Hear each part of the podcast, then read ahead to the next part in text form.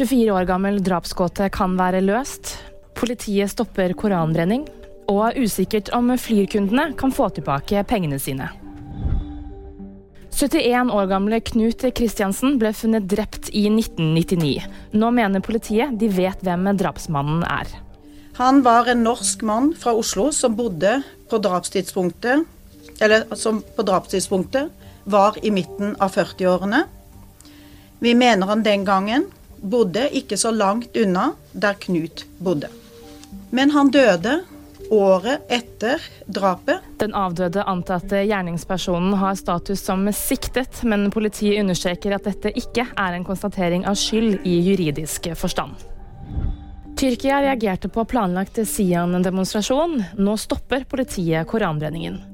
Sian planla å brenne Koranen utenfor Tyrkias ambassade fredag, noe en kilde i det tyrkiske utenriksdepartementet kaller en provoserende handling, ifølge Reuters. Nei, nå har vi også etterretningsopplysninger som tilsier at vi sikkerhetsmessig ikke kan gjennomføre den uh, markeringen. Politiadvokat Martin Strand ønsket ikke kommentere om det har kommet trusler mot eh, Sian-leder Lars Thorsen.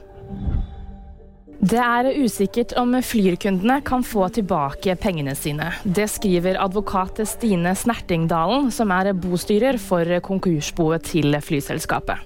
Årsaken er bl.a. fordi det prioriteres å dekke lønningen til de omtrent 400 ansatte. VG-nyheter fikk du av meg, Anna Julie Bergesen.